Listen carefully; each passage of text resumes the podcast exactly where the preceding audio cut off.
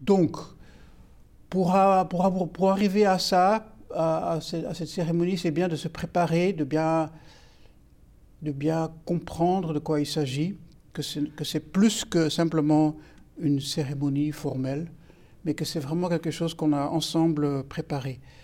Donc aujourd'hui, c'est une première. Euh, donc le mois prochain, au mois d'avril, euh, je ferai un deuxième, au mois de mai également. Voilà, donc on fera au moins trois, trois conférences, trois taisho, comme on appelle euh, dans notre jargon, zen, enseignement oral. Voilà, donc aujourd'hui, on va un peu toucher à, tous les, différents aspects. À la fin de mon exposé, il y aura la possibilité de poser des questions. Et puis en ce moment-là, on, verra. Euh, donc voilà, le tout va durer plus ou moins, je pense, une heure, une heure et demie. Je vais faire donc une, introduction, le sens de cette cérémonie. Je vais parler de ce que c'est qu'un bodhisattva dans notre tradition, un moine, une nonne. Comment interpréter les préceptes. Je vais parler aussi du déroulement de la cérémonie. Euh, quelles sont les différentes phases qui, auront lieu. Je vais parler du Kesai du Rakusu et du Ketsumyaku. Voilà, c'est à, peu près tous les, tous les éléments importants, enfin tous les aspects différents euh, qui touchent à Jukai, cette prise de refuge. Donc Kai, c'est précepte. Recevoir les préceptes, c'est Jukai. Et en même temps, euh, cette prise de refuge, on appelle ça comme ça, veut dire, c'est aussi, en fait, ce sont les trois premiers préceptes déjà. Hein, dire je prends refuge dans le Bouddha, dans le Dharma et dans la Sangha. En fait, c'est le, c'est même le, cœur primitif au temps du Bouddha. Si on voulait devenir un disciple de, Bouddha, il fallait faire ça. Simplement dire je prends refuge dans Bouddha, je prends refuge dans le Dharma, l'enseignement du Bouddha, et je prends refuge dans le Sangha, la communauté des pratiquants. Et de le dire trois fois. Et du coup, on était disciples du Bouddha. C'était très simple. Alors, au fur et à mesure, euh, ben, le Bouddha a instauré des règles parce qu'il voyait bien que sa communauté commençait à grandir et que, voilà, selon les occasions, les, problèmes, les conflits, etc., qui apparaissaient, bah, le Bouddha rajoutait des règles, des préceptes. Voilà.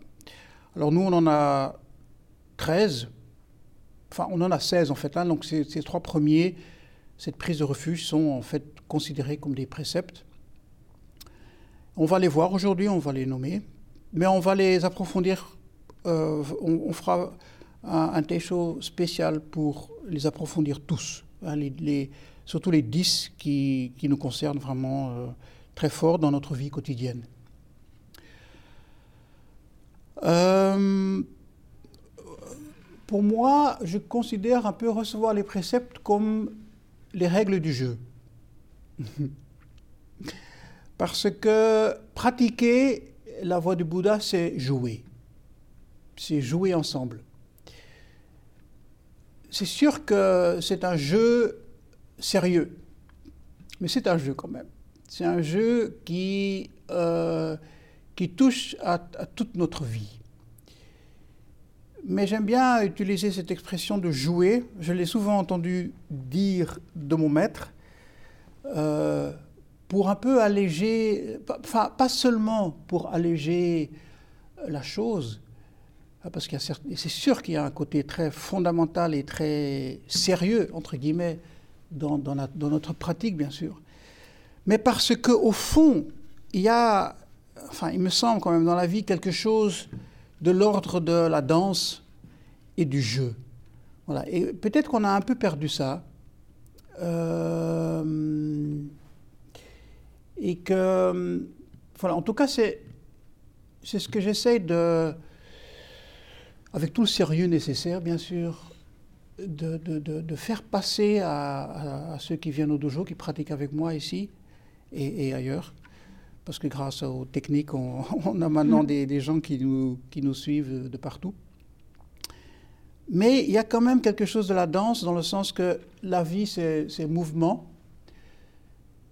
Maître Kodosawa qui disait lui-même que le zen, ça consiste à savoir comment bouger son corps. Donc voilà, bouger son corps. Hein. Comment faire dans certaines, dans certaines situations, euh, comment euh, s'abstenir de, certains actes. tout ça, c'est la danse de la vie. Donc c'est un jeu. Euh, voilà. Et donc, Jukai, les préceptes, ces 16 préceptes, je vais dire, sont vraiment le, cadre dans lequel on va jouer. Hein, comme vous savez, au tennis euh, ou dans d'autres jeux sportifs, il y a des règles. Hein, on délimite le terrain. Voilà. On, met un carré par terre ou un rectangle, on met une ligne. Voilà, euh, un participant d'un côté, un autre participant de l'autre côté, un filet au milieu, puis on se, bat, on se passe la balle, et puis il y a des règles. Voilà. Donc Jukai, c'est vraiment ça. C'est d'abord c'est quel cadre, hein, quel on va mettre par terre là. Euh. Parfois, j'explique ça aussi un peu à mes élèves, et puis il y en a toujours un qui est malin et qui dit oui, mais j'aimerais bien plutôt aller jouer là-bas. ben non, ben non, c'est pas là-bas, c'est ici, c'est dans ce cadre que ça se passe. Voilà. Et ça, c'est quelque chose que c'est bien d'être imprégné de ça.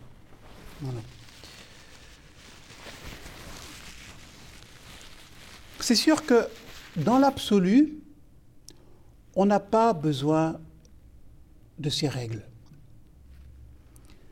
Mais comme je le disais déjà au temps du Bouddha, euh, avec ses propres disciples, même, même avec lui, des phénomènes apparaissaient entre les gens. C'est normal, c'est humain, c'est notre côté illusion de, la conscience, de notre, de notre façon d'être au monde. On se trompe. Et en ce moment-là, c'est important d'avoir des règles pour justement rectifier, pour corriger. Voilà. Donc, euh, c'est sûr que dans l'absolu, dans le monde de l'éveil, dans le monde des Bouddhas, on n'a pas besoin de règles, on n'a pas besoin des, préceptes. C'est inclus dans, l'expérience de l'éveil lui-même. Mais comme on n'est pas tout le temps dans cet état, entre guillemets, qu'on pourrait dire, d'état d'éveil, ben oui, et qu'on est limité par, par nos illusions, par nos propres limites, par notre karma, etc., ben oui, on a besoin de règles. Voilà et, des règles, on va le voir tout de suite, euh, de conduite.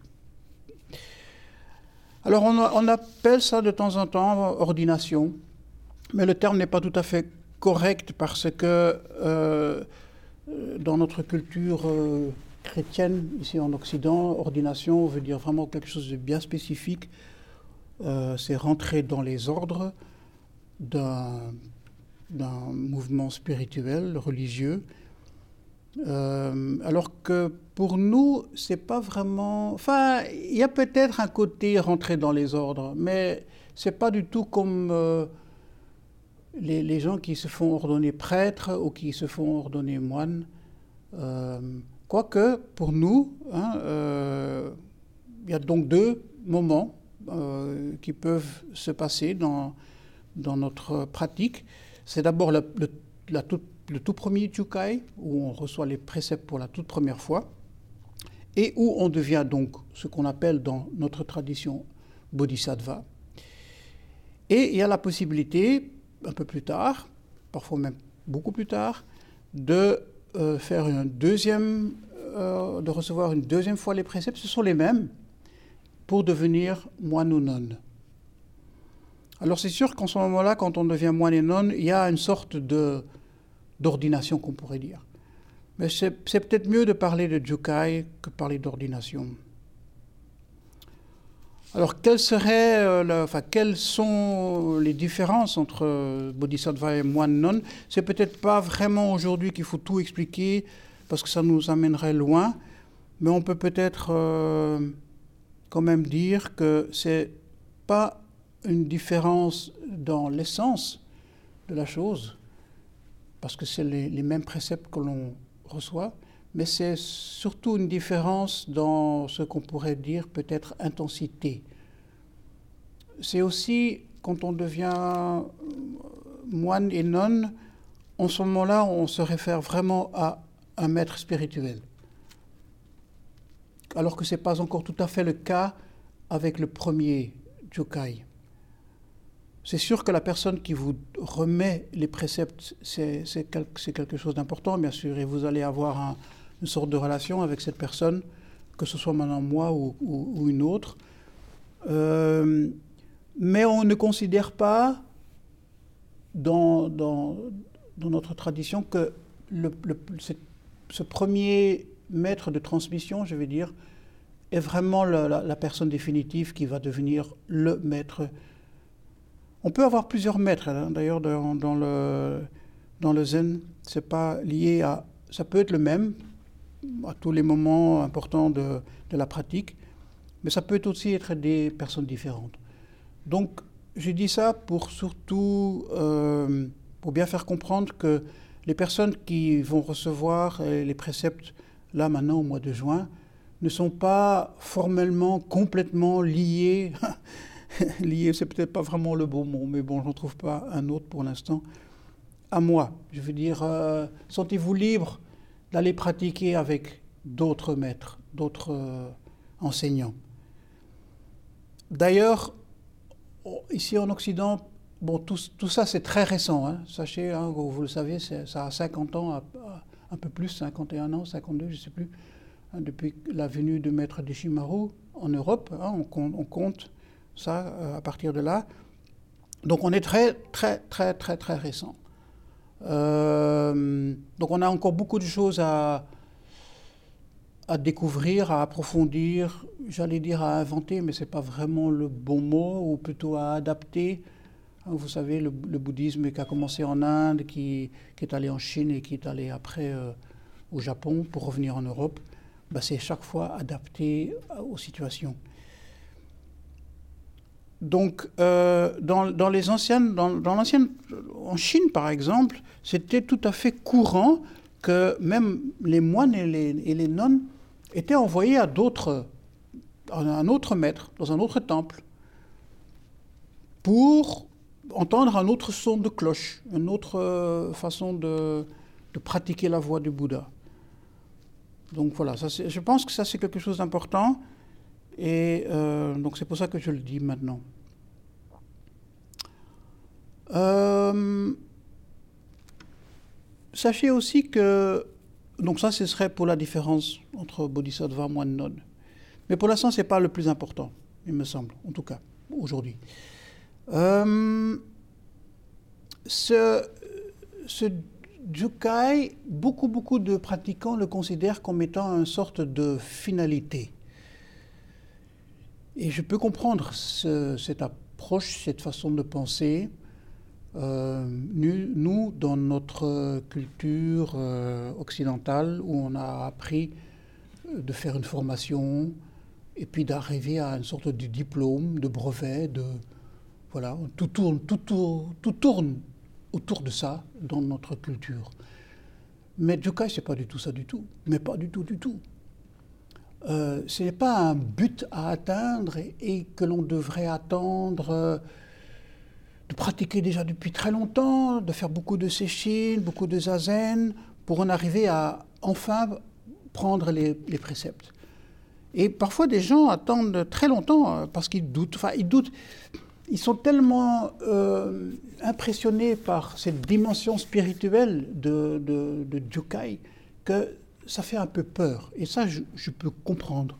Hein, quand on entend les quatre vœux du Bodhisattva que l'on récite euh, après chaque zazen, c'est sûr que ça, ça, semble complètement fou, complètement impossible à réaliser, et que ça, ça semble que l'on doit avoir une certaine maturité spirituelle, qu'on doit avoir une certaine sagesse pour pouvoir les formuler. Alors je comprends ça. Mais sachez que pour moi en tout cas, et pour, pour, mon maître, et pour... Euh, en fait, le, Jukai, recevoir les préceptes, c'est, c'est le début. C'est vraiment le début de la pratique. C'est là où vraiment on va euh, approfondir le côté spirituel de notre pratique. Ça devient plus que une simple gymnastique, une posture, une respiration, un état d'esprit, euh, voilà. Et aussi, ce n'est pas quelque chose qu'on a, qu'on a acquis. Et par rapport à quoi on devrait être fier. Parce que ça aussi, on, le voit.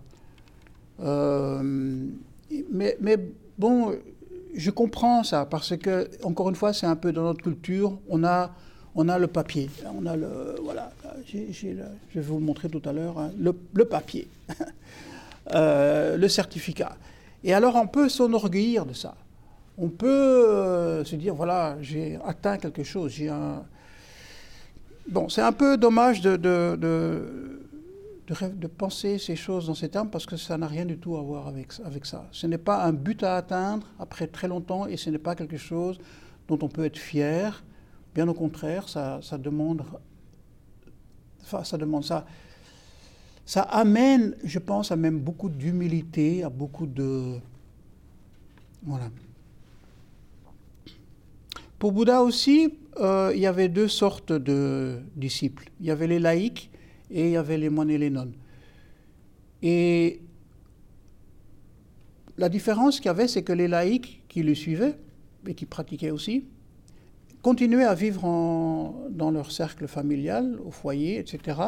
Tandis que les moines et les nonnes quittaient vraiment le foyer pour le suivre et vraiment vivaient en communauté, ce qu'on appelle la sangha, euh, en retrait en retrait du monde. Pas complètement en retrait du monde, parce que c'est sûr qu'ils devaient se nourrir et qu'ils ils, venaient au village euh, chaque jour mendier leur, nourriture. Mais il y avait quand même cette césure. On quitte quelque chose. Et pour les personnes qui deviennent moines et nonnes, même si, et ça, ça a été instauré, par Maître Dishimaru, enfin, pas vraiment. Disons qu'au Japon, les moines et les nonnes, traditionnellement, peuvent se marier. J'expliquerai un autre jour d'où ça vient. Mais Maître Deschemoro a toujours dit, et mon, maître aussi, euh, que être moine et nonne, on ne, on ne, se retire pas de la société, on ne quitte pas le monde. Donc on, est on devient vraiment un bodhisattva complètement dans le social. Et, les vœux de bodhisattva, on les réalise dans le social, dans son métier, dans sa relation aux autres, dans sa relation avec la famille, etc. Donc il n'y a pas un retrait. Euh, du monde. Par contre, euh, je pense que profondément, les personnes qui deviennent moines et nonnes doivent réfléchir à ça. Mais qu'est-ce que je quitte? Ça, ça, je pense que c'est quand même important. Voilà. Qu'est-ce que je laisse tomber?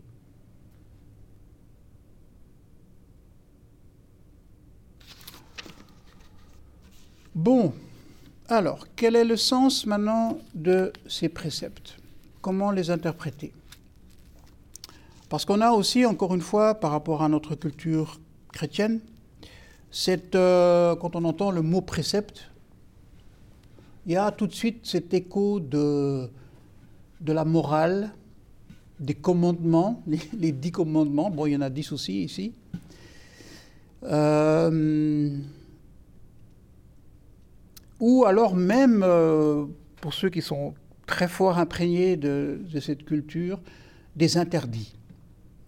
Alors que ce n'est pas, encore une fois, pas du tout le cas de penser les préceptes, les cailles, en termes de commandement ou de morale ou, d'interdit. il, y a, deux jours en arrière, euh, pendant le Kusen, ou, mardi, je ne sais plus, j'avais parlé de, pour la pratique, la question la plus importante, c'est comment vivre. Hein, comme disait Maître Kodosawaki, comment bouger son corps, comment vivre, comment vivre bien, comment vivre pour créer du bien autour de soi. Au final, c'est ça. Au final, c'est ça. Et donc, les cailles ben Justement, ça, comme je le disais, ça, délimite le terrain dans lequel on va travailler. Mais on va comprendre aussi que ce terrain, il est très, très large. Hein, ce n'est pas comme au tennis ou au foot, où c'est vraiment, euh, je ne sais pas moi, combien c'est, 40 mètres sur 20 mètres ou un truc comme ça, je ne sais plus. Pour le, pour le, foot, c'est encore plus. Donc, chez nous, le, la délimitation du terrain, elle existe, mais elle est très, très vaste. Donc c'est en ces termes-là qu'il faut penser les, préceptes. Alors, quels sont ces préceptes? On va, les, on va les nommer. Donc, encore une fois, les trois, donc il y en a 16 en tout. Les trois premiers, c'est cette prise de refuge. Je prends refuge dans Bouddha. Donc, dans, pas seulement l'homme historique. Prendre refuge dans Bouddha, c'est euh, avoir confiance. On peut, on peut dire, c'est un synonyme en fait. Prendre refuge et avoir confiance, c'est synonyme. Donc j'ai confiance dans le Bouddha historique, mais j'ai aussi confiance dans ma nature de Bouddha. Dans la nature de Bouddha que tout le monde a, que tous les êtres de, tout l'univers possèdent. Le, deuxième, euh, prendre refuge dans le Dharma, c'est bien sûr, j'ai confiance dans l'enseignement du Bouddha. Ça s'exprime la nature de l'éveil s'exprime dans le dharma. Et j'ai confiance en ça. Et le troisième, je prends refuge dans la sangha, j'ai confiance dans la sangha, c'est la communauté des pratiquants. Et euh, ça me fait penser que maintenant, dans ces temps euh, un peu bizarres de, confinement, euh, où les gens sont, on est très fort séparés les uns des autres, et ça c'est quelque chose mmh. que l'on ressent. Cette dimension de sangha, qui, qui nous manque, hein, de pouvoir pratiquer ensemble avec, avec les autres. Parce que c'est n'est pas seulement le fait de rencontrer les gens en, en, réel qui est important, mais il y a dans la Sangha quelque chose qui, comme une sorte de miroir vis-à-vis de nous-mêmes, vis-à-vis de notre pratique, qui est importante.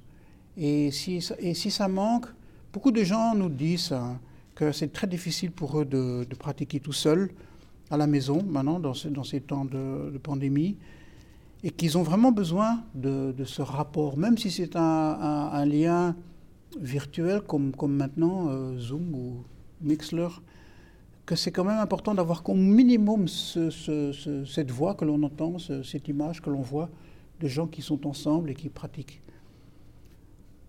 Alors, les trois préceptes purs, c'est s'abstenir de faire le mal. En fait, ils sont tout simples. Hein. C'est même universel. Je crois que toutes les grandes traditions spirituelles euh, prônent ces règles.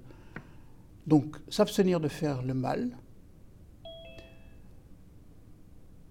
faire le bien, et faire le bien pour tous les êtres.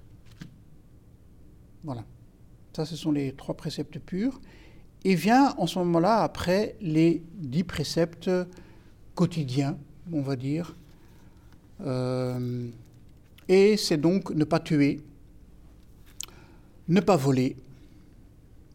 Alors c'est sûr que ils sont, c'est un peu malheureux, je vais dire. Euh, ils sont formulés comme des commandements. Hein. Euh, ne pas tuer, ça, en, effet, dans le, dans le christianisme, même dans le, dans la, judéo-chrétienne, euh, chez les musulmans, partout il y, a, cette règle, ne pas tuer, ne pas voler, ne pas convoiter, euh, ne pas mentir. Donc c'est sûr qu'ils sont, ils sont formulés de façon un peu catégorique, mais c'est pour aller vite. Et puis il y a aussi un peu cette, impression que l'on reçoit. Ah oui, ok. Euh, mais encore une fois, il ne faut pas interpréter ça comme des interdits. On va, on va, tout ça, on va prendre le temps euh, dans, le, dans le prochain, je pense, le prochain euh, Taisho de, de, vraiment les approfondir tous, parce qu'on verra quelque part qu'ils sont tous liés à la pratique même de Zazen. Et ça, c'est intéressant. Donc ne pas mentir, ne pas s'intoxiquer, euh, aussi bien physiquement que mentalement ne pas critiquer les autres, ne pas être fier de soi, ne pas être avare, ne pas se mettre en colère et ne pas critiquer les trois trésors, ne pas dire du mal des trois trésors, les trois trésors étant Bouddha, Dharma et Sangha. Euh, récemment, enfin comme vous le savez, je pense quelques-uns euh, depuis un bout de temps, j'ai découvert le, philosophe Spinoza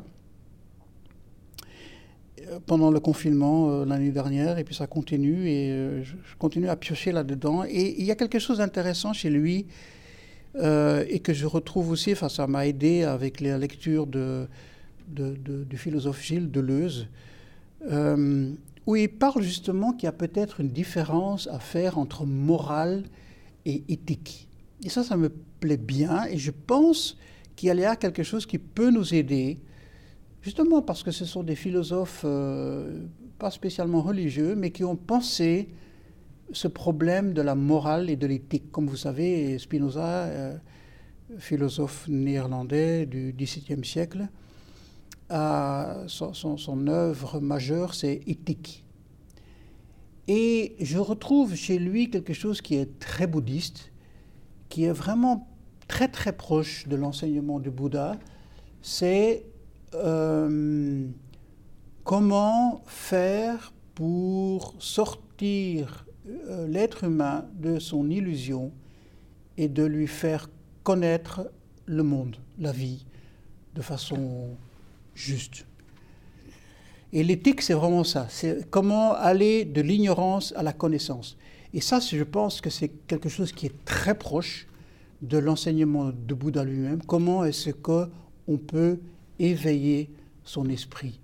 Alors, c'est sûr que ce n'est pas une connaissance encyclopédique euh, des faits, hein, euh, mais c'est quand même une connaissance de la vie, des, lois fondamentales de la vie. Et je pense que dans notre pratique, il y a cette dimension aussi. Et justement, il y, a, dans ce petit livre euh, de Deleuze, le, pratique, philosophie pratique, hein, c'est vraiment. Il y a tout un chapitre là-dessus sur la différence entre l'éthique et la morale.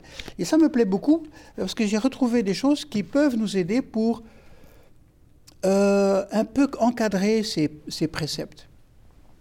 Alors il dit, la morale, on ça on connaît, hein, cela a à voir avec le bien et le mal, avec des majuscules, le bien absolu, le mal absolu. Et c'est un, dit Spinoza, mais que Gilles Deleuze a complètement repris, c'est un jugement de valeur qui, est à la, qui, qui se passe à partir d'un texte, euh, la Bible, dans, dans, ce cas-là, qui euh, serait provenu d'un Dieu créateur, euh, voilà, tel qu'on le connaît, comme on a appris quand on est tout petit, je pense, chacun de nous. Voilà. Ça, c'est la morale. Alors que l'éthique, c'est plutôt une question de bon et de mauvais. Euh, alors, qu'est-ce que c'est que ce bon et ce mauvais pour Spinoza? Bon est tout ce qui augmente notre capacité de connaissance pour Spinoza. Pour nous, on pourrait traduire ça est bon tout ce qui augmente notre capacité d'éveil.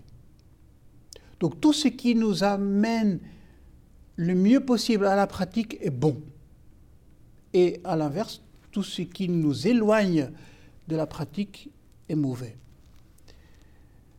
Tout ce qui convient avec convient entre guillemets bien sûr avec notre nature de Bouddha, c'est du bon. C'est créer du bon, c'est créer de la bonté. Et, l'inverse, bien sûr, tout ce qui nous éloigne, tout ce qui est euh, à l'opposé de notre nature de Bouddha, qui, même, va la, la, réduire, la, rendre silencieuse, etc., ben ça, c'est du mauvais. Euh, il y a même un côté biologique euh, chez, Spinoza, chimique même. Excusez-moi. Et il, donne beaucoup l'exemple du poison. Le poison, si on prend du poison, c'est mauvais pour notre, pour notre existence, pour notre constitution. Ça peut même être tellement mauvais que ça peut nous complètement nous, nous détruire. Donc c'est en ce sens-là qu'il faut voir bon et mauvais, et pas en termes de morale, de quelque chose qui serait euh, d'un Dieu au-dessus de nous, complètement séparé de nous, créateur de tout l'univers, etc., etc. Toutes ces histoires, on les connaît, hein, et qui nous obligerait à, à, suivre les règles, les commandements, et que nous, on est des êtres obéissants, enfin, on essaye d'obéir à ces règles. Ce n'est pas du tout comme ça qu'il faut concevoir euh, les mm. préceptes de façon morale, mais plutôt de façon éthique. Je sais que dans notre langage, morale et éthique sont vraiment synonymes. Hein. Mais c'est intéressant, justement, avec eux, euh, avec ces philosophes, d'essayer de, il y a peut-être une différence. Et voir les choses du côté bon et mauvais peut être une aide pour nous pour sortir un petit peu de, cette histoire de moralisante euh, où on ne demande pas de, réfléchir, mais plutôt de suivre. Voilà, tout ce qu'on a connu euh, très fort, je pense, euh, dans notre éducation chrétienne, je pense pour, pour la plupart de, nous. Par exemple, ici, il, y a, il, y a, une phrase de Deleuze que j'aime bien. Je vais vous la lire.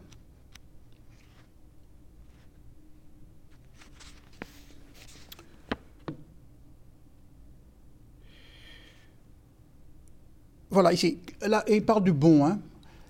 car la bonté est affaire de dynamisme, de puissance. Alors puissance, c'est un, terme que Spinoza utilise beaucoup, ça n'a rien à voir avec pouvoir. Bah, parce que quand on entend le mot puissance, on se dit, oula, c'est dangereux ce truc. Non, puissance, c'est capacité, capacité à s'éveiller. Voilà.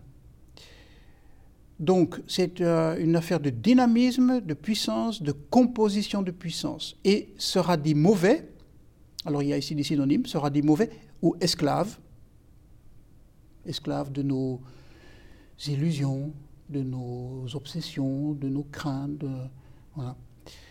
ou faible, quand, notre nature est faible, on est plutôt du côté du... Ah, on, perd de la puissance, on perd de la capacité d'éveil.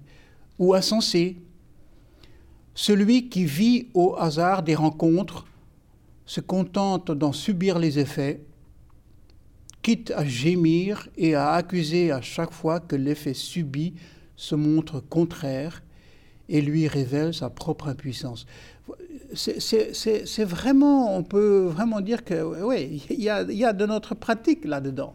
C'est ça qui me, qui me plaît beaucoup dans, dans, cette étude que je fais de, Spinoza et de, grâce à, Deleuze qui, nous, qui, qui, nous, qui, m'aide. Voilà.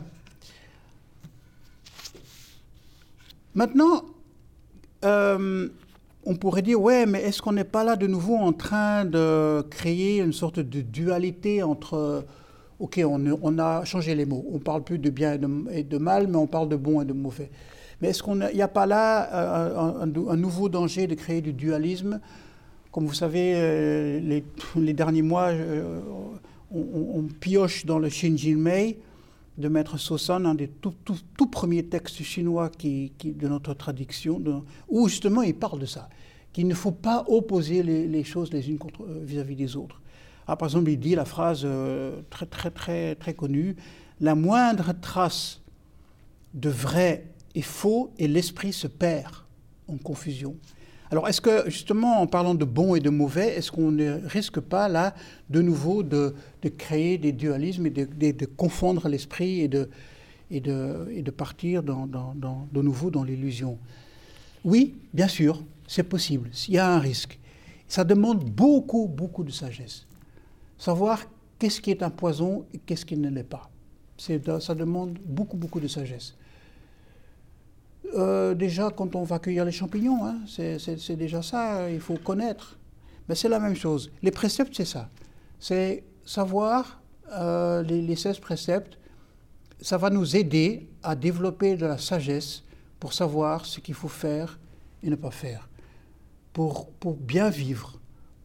Voilà, ce qu'on a besoin. En fait, c'est un instrument de travail, ce qu'on a besoin pour bien vivre, ou pour vivre bien. C'est plutôt ça, vivre bien. Vivre en créant du bon autour de soi, pas seulement pour soi, mais pour les autres aussi.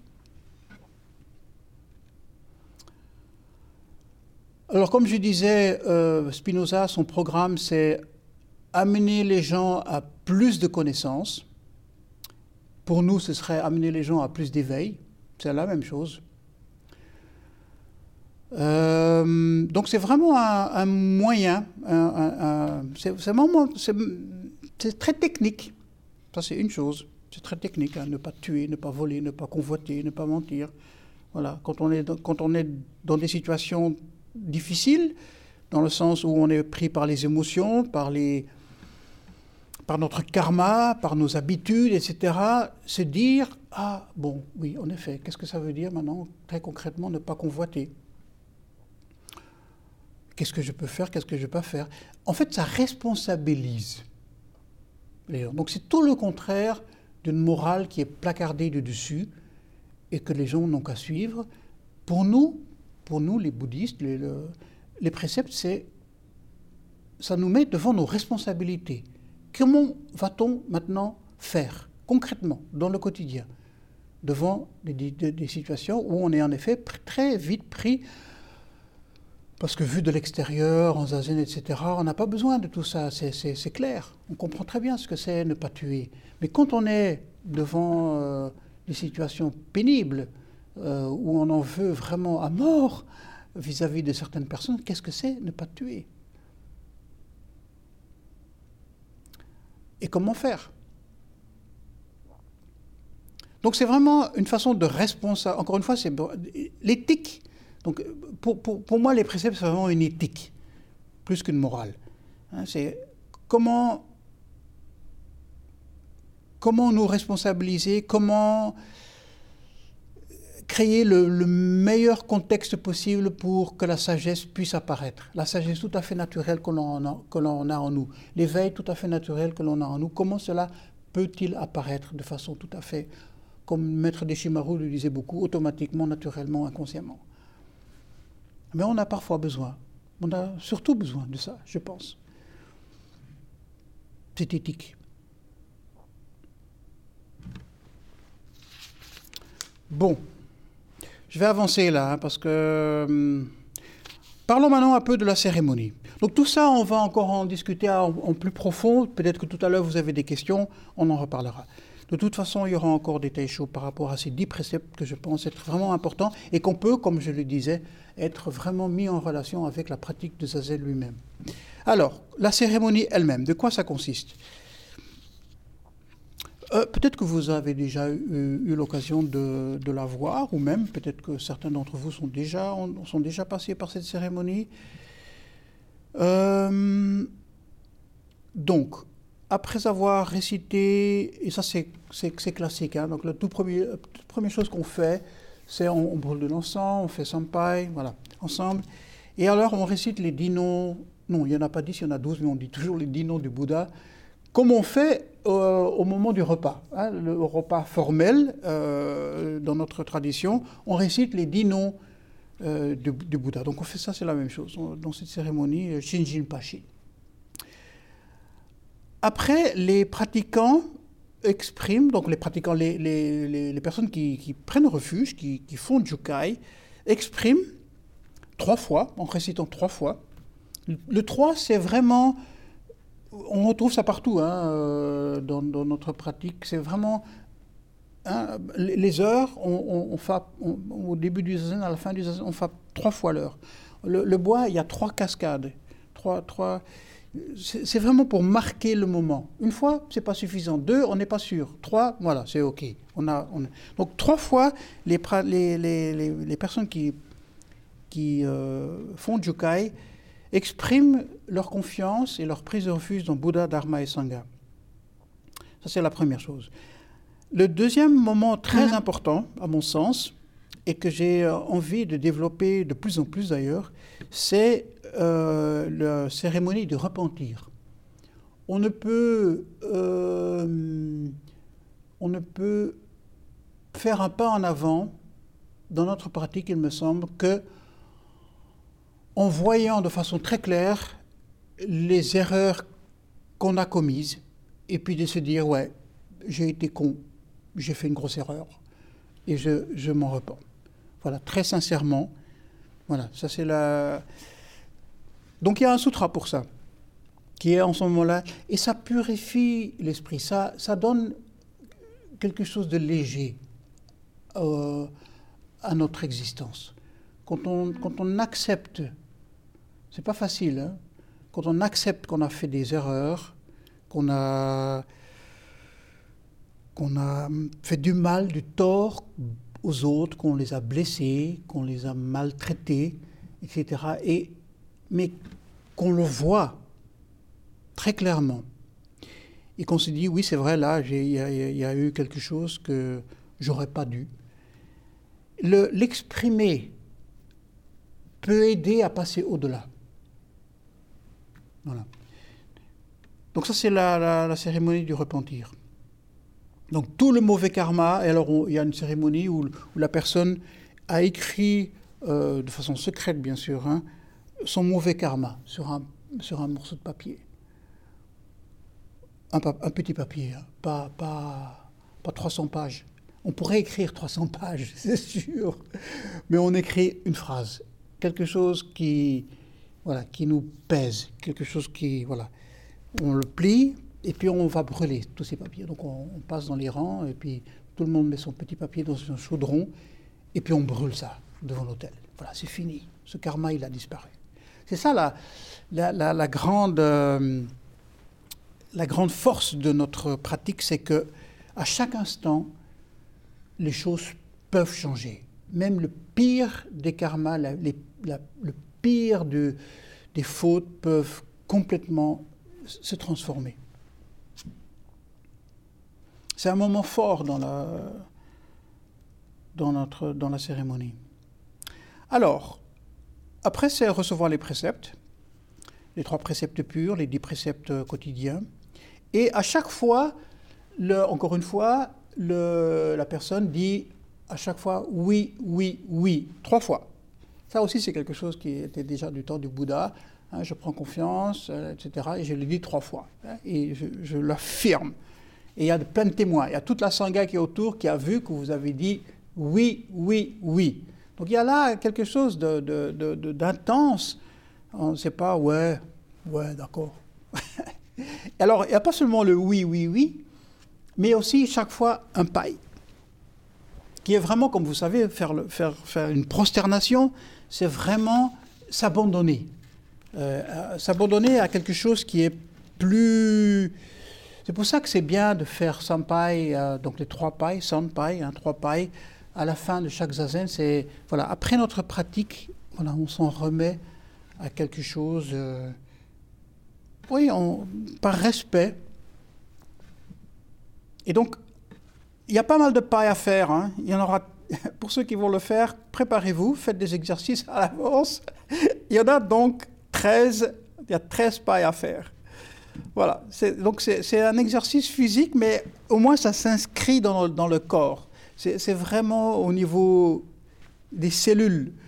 Voilà, c'est pas simplement au niveau de la tête ou du cœur, mais c'est vraiment au niveau de tout le corps que, que cette cérémonie fait appel. Voilà, c'est vraiment notre pratique. Alors, euh, bon, ben voilà, donc on les dit à chaque fois, donc ça prend un certain temps. Alors, quand ça c'est fini, euh, il y a ce qu'on appelle, il y a un sutra aussi qui qui est récité à ce moment-là, on coupe une, mèche des cheveux. Et donc, pour les personnes qui font Jukai la toute première fois, ben, c'est une mèche qu'on coupe. On ne va pas raser la tête du pratiquant tout de suite. donc, c'est la première. Mais il y a quelque chose, il faut réfléchir à ça, je pense. Il y a quelque chose de. Il y a quelque chose d'important là derrière. Les cheveux, on a vu ça encore récemment avec les, règles du, confinement. C'est incroyable, les coiffeurs, tout le truc autour des coiffeurs. Donc ça prouve de façon très claire toute l'importance que notre culture et notre société donnent à l'apparence euh, physique et à l'apparence extérieure des choses. Alors voilà, couper un petit morceau de ça et, le lâcher prise et, l'abandonner, voilà, ça, pour certaines personnes, c'est déjà beaucoup ça. Et c'est bien de commencer avec une mèche. Voilà. Après, le moine, la nonne, c'est hop, la boule à zéro. Euh, c'est sûr que dans notre culture, c'est pas toujours quelque chose de très facile à faire, même pour les femmes, mais parfois pour certains hommes aussi, c'est quelque chose. Euh, mais c'est c'est important de, réfléchir à ça. Euh, qu'est-ce qui m'empêche de me aller pour ceux qui bon c'est pas, pas le cas pour la plupart d'entre vous là, mais pour certains peut-être, mais qu'est-ce qui m'empêche de lâcher prise par rapport à mon apparence euh, extérieure? Qu'est-ce qui fait que là, je, bloque. Voilà. Donc pour ceux qui deviennent moines et non chez moi, c'est vraiment une condition, de raser la tête. Alors, quand ça c'est terminé, après cette première mèche qui est coupée, alors pour, la, cérémonie du mois des nœuds, en ce moment-là, c'est en effet, on rase complètement la tête. Bon, ça ne se fait pas au moment même parce que ça prend euh, trois quarts d'heure ou une demi-heure pour, faire. Donc, en fait, c'est un peu symbolique. On, ça, c'est important pour ceux qui, qui, qui, vont devenir moines et nonnes, c'est ne vous rasez pas la tête vous-même. Ça, c'est important. C'est vraiment un moine, un ancien ou une nonne qui va le faire pour vous. Donc, c'est bien de le faire avant la cérémonie, et, et les deux fois, je l'ai fait moi-même avec Johnny, avec Hubert, on a vraiment pris le temps, une heure avant la cérémonie, de raser la, euh, personne voilà, dans sa chambre, etc. Bon, alors après, on récite les quatre vœux du Bodhisattva, que, vous connaissez, hein, aussi nombreuses que soient les êtres sensibles, je vais les aider à se libérer, aussi nombreuses que soient les illusions, je fais vœu de les apaiser, euh, aussi nombreuses que soient les portes du Dharma, je fais vœu de les, de les pénétrer toutes, et aussi parfaite que soit la voie de Bouddha, je fais vœu de la réaliser. c'est important de... Voilà, c'est ça, le, ça le programme. c'est ça le programme. Et on le récite après chaque Anya. Euh, en tout cas, c'est comme ça que je l'ai appris avec mon maître. On récite ces, quatre vœux. C'est bien de se les continuellement de les avoir à l'esprit. Et alors vient la dernière partie, c'est la remise du rakusu et du ketsumiyaku. Alors je vais parler un petit peu de ça maintenant, et après, il est déjà 11h moins 5, et après on va passer aux questions. Euh, le rakusu, ben, c'est donc ça. Je pense que la plupart de vous le, connaissent. Ça ici. C'est le petit kessa. Le kessa, c'est ça ici. Hein, c'est l'habit du moine, l'habit de la nonne. Pour, le premier jukai, on ne reçoit pas le kessa. Le kessa, c'est pour la moine et la nonne. On reçoit le, rakusu. C'est un petit, c'est kessa. Alors, qu'est-ce que c'est que le kessa C'est l'habit que euh, le Bouddha lui-même avait instauré. Et euh, en fait, l'anecdote, c'est, euh, je ne sais plus très bien, un roi ou un, puissant de, l'époque du Bouddha qui avait beaucoup de sympathie pour la Sangha, s'était un jour trompé euh, avec un, un brahman ou un, ascète, je ne sais plus très bien, il avait fait une aumône, mais qui n'était pas un disciple de Bouddha. Et ça l'avait un peu froissé, et il avait été voir le Bouddha en lui demandant, est-ce que vous ne pouvez pas avoir un signe extérieur qui, soit clair et net, qu'on voit, oui, ce sont les, les, les disciples de Bouddha. Et lui, il avait montré, il avait montré les rizières, mais en fait, il montrait tout, tout l'univers. Et il a dit, on va faire un vêtement qui ressemble à ça. Et donc, il avait instruit ses disciples euh, en, leur demandant d'aller ramasser tous les vieux morceaux de tissu que les gens avaient jetés, des morceaux de linceul, des morceaux de, de tissu d'hôpitaux, euh, enfin vraiment tout ce que, qui était sale et que voilà et qu'on avait jeté, voilà, ramasser tout ça et ramener ça ici. Et euh, donc ils ont fait ça. Ça devait être quelque chose d'assez répugnant à faire, je pense, mais bon, voilà, c'est ça la pratique, hein, c'est la transformation. Ils ont lavé tous ces tissus soigneusement. Ils les ont teints de couleur de la terre. Donc Kasaya, ça veut dire en sanskrit couleur de terre, couleur sombre, couleur indéfinissable.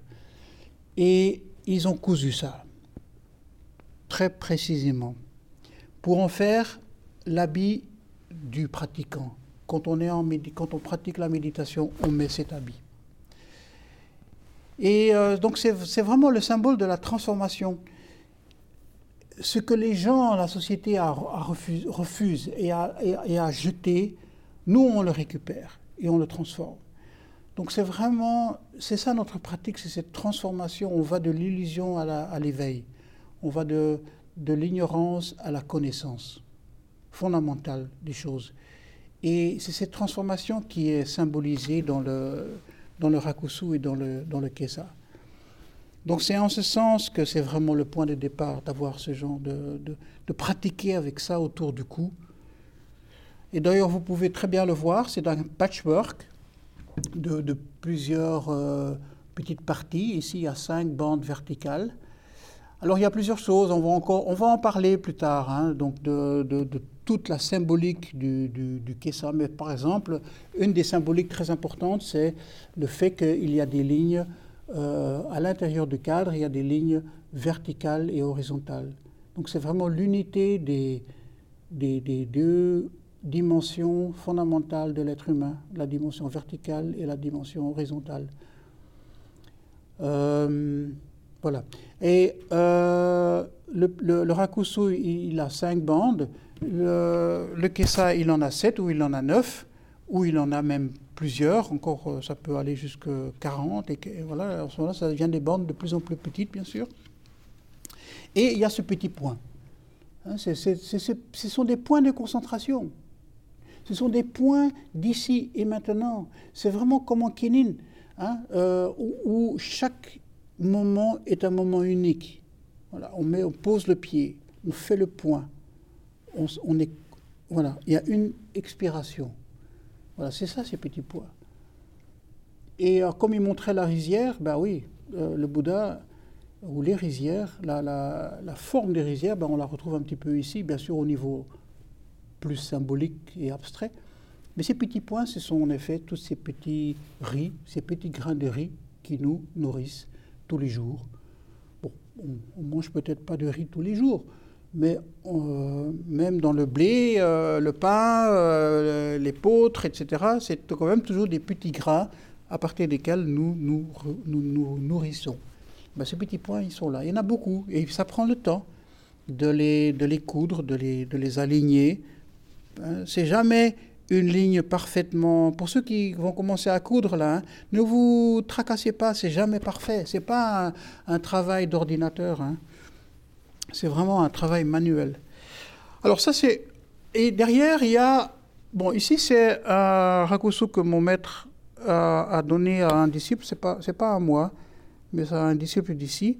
Et donc, il a mis tous les kanji. Moi, je mets quelques kanji chinois, mais je mets aussi le texte euh, en, langue de la personne. Donc, il y a, mais ça, on verra plus tard, il y a le, nom, il y a mon nom, il y a le, nom, on reçoit un nom d'Arma, euh, il, y a, il, y a, les stamps, etc., une sorte de signature, et puis il y a un poème. Mais le poème, je le mets en, langue, euh, en français, en néerlandais. Voilà. Alors, j'en ai ici un autre il y, a des différences légères, pas très. Euh, par exemple, celui-ci, il a un anneau. Voilà, ici, il y a un anneau. Ça, c'est. Euh, je sais pas la Sincèrement, je ne sais pas la symbolique de ce que c'est. Je crois que c'est un truc typiquement japonais. Mais je crois que, même déjà Maître Kodo Sawaki avait lâché cette histoire d'anneau. Mais bon, sachez que si vous, un jour, dans votre pratique, vous allez pratiquer dans un temple au Japon, c'est en ce moment-là obligatoire d'avoir l'anneau. Euh, ici, c'est intéressant de voir, pour un peu lâcher prise par rapport à toutes nos... C'est qu'il a une autre couleur. C'est celui, il est bleu. Euh, et, comme vous voyez, les, l'espace entre les lignes est, légèrement différent. Donc il y a plusieurs euh, la, structure est la même, hein, la structure est la même, mais bon, tout ça on va encore voir. Mais c'est pour se dire que euh, bon, moi je, préfère qu'il soit noir, bien sûr, mais sachez qu'il y a et, c'est pas la couleur n'est pas quelque chose de mieux ou de ou de moins bon ou que voilà. Mais c'est bien de voir qu'il y a des différences dans les. Voilà. Ça, c'est pour le rakusu et le kesa. Je vais mettre tout ça ici. Et on reçoit un ketsumiaku. Alors, qu'est-ce que c'est que le ketsumiaku? Et je vais terminer là-dessus. C'est euh, le, bah, le brevet. J'aime pas ce mot, mais bon. Euh, je vais vous en montrer un que l'on donne au premier Jokai. Il est petit. En fait, et on va, on va prendre le temps euh, d'approfondir le Ketsumiyaku euh, avec les personnes qui vont faire Jukai. Mais je peux déjà un peu expliquer. En fait, c'est, comme vous voyez, il y a des noms et il y a une ligne rouge qui les, qui les relie les uns avec les autres. En fait, il faudrait que je montre plutôt. Ça, c'est le petit. En fait, il n'y a pas tous les noms. Ça commence avec Bouddha et ça va de, de, de, de maître important de la tradition jusqu'à jusqu'à moi, jusqu'à vous. Votre nom viendra ici. Et alors, euh, ce qui, est, ce qui est bien de voir, c'est que la ligne ne s'arrête pas chez vous. Hein. elle continue. Et voilà. Et elle remonte à la vacuité. Voilà, le cosmos, l'univers ici.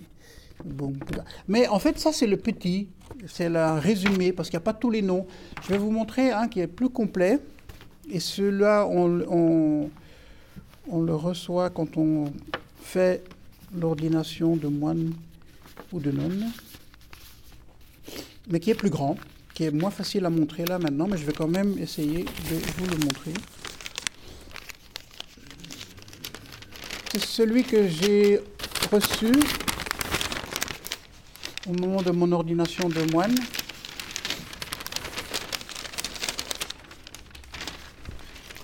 Voilà. Je ne sais pas si on voit tout.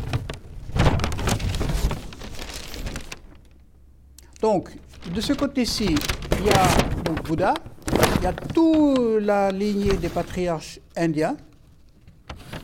Il y a Bodhidharma, si je ne me trompe pas. Ah non, non, non. Le Bodhidharma, il est, il est, c'est Eno ici. Il est là, Bodhidharma, le premier patriarche euh, chinois. Mais c'est Eno qui est ici. Parce qu'après après Eno, ça se coupe en deux. Mais bon, on verra. Il y a la lignée Soto, la, lignée Rinzai. Voilà, qui est ici. Et puis après, il y a tous ceux qui, continuent. Hein, le, le, le, 12e, le 13e, il y a Maître Dogen quelque part. Où est-ce qu'il est, lui? Il est. qui est vraiment le, patriarche de notre. de notre lignée. Il est, il est, il est. Je ne sais plus où, je ne vois plus. Ah, voilà, ici, Dogen. Oui, en fait, voilà. Il y a la, lignée Rinzai, la lignée Soto, qui vient chez lui, parce que Maître Dogen avait été confirmé dans les deux lignées. Et alors, ça continue. Keizan, donc les deux disciples de Maître Dogen, Kojun Eizo, Tetsu Gikai, Keizan, hein, qui est avec Maître Dogen nos, deux euh, patriarches fondamentaux. Et puis alors, si ça continue, ça devient très compliqué, euh, parce qu'il y a en effet, ça c'est le Ketsumiyaku de mon, maître, euh, qui, m'a donné au moment de l'ordination, il y a la lignée de Maître Deshimaru, qui est ici, Mokudo Taisen, et il y a la lignée de Niwazenji, euh, voilà, Zwigaku Rempo, parce que, euh, bon, tout ça j'expliquerai, hein, mais euh, Roland Reich n'a pas reçu la transmission de Maître Deshimaru, mais parce qu'il a été décédé trop, trop vite, trop tôt, il n'a pas eu le temps de pouvoir le faire, et donc il a reçu la transmission d'un autre maître. Voilà, c'est ça. Donc il y a les deux lignées qui reviennent à lui, hein, Yono, Yono ici, et puis moi, voilà, Sengyo Kosan. Voilà, mais tout ça, tous ces détails, on verra ça euh, en détail euh, plus tard. Donc, pour le premier, euh, voilà, ce sera celui-là, qui est un résumé. Alors, il y a Bodhidharma, il y a, il y a Eno, il y a Tozan Ryokai, qui est le fondateur de l'école Soto en Chine, au 9e siècle, si je me rappelle bien. Il y a le maître de Dogen, Tendo Nyojo, il y a maître Dogen, Kaizan Jokin, il y a en effet le Zuigaku Rempo, qui est euh, donc le maître de mon maître. Il y a mon maître, il y a moi, et puis il y a vous. Voilà, ça ce sera. Et donc c'est en fait ça. Euh, ces documents, bon, historiquement, ça, ça, a eu toute une évolution. En Inde, il n'y avait pas tout ça. Euh, c'est en Chine qu'ils ont commencé à, à, vouloir avoir. Oui, mais de quelle lignée es-tu? Qui est ton maître? Et, et, le maître de ton maître, c'était qui? Etc. Ben voilà, c'est eux qui ont inventé ça. Ça donne une sorte d'authenticité. Pour nous, au niveau spirituel, ce qui est important, c'est on est repris dans une tradition. On est, euh, c'est pas quelque chose que moi j'ai inventé. Euh, c'est quelque chose qui nous traverse complètement. C'est pour ça que cette ligne aussi continue. Hein, ne s'arrête pas à vous, elle continue et elle revient à la vacuité elle-même. Donc ça, c'est une sorte de, de pièce d'identité. On peut, dire ça comme ça. Mais c'est au niveau spirituel, c'est vraiment important de se dire on, vit une époque où, on où la tradition, on n'aime pas trop, on aime bien tout ce qui est moderne, tout ce qui change, tout ce qui change par rapport à la tradition, les, neufs, il faut toujours euh, créer du nouveau, etc. On devient fou avec cette histoire. Euh, moi, je pense que c'est bien d'être moderne, mais c'est peut-être encore plus important de s'inscrire dans une tradition et de ne pas faire comme si on était en train d'inventer tout soi-même.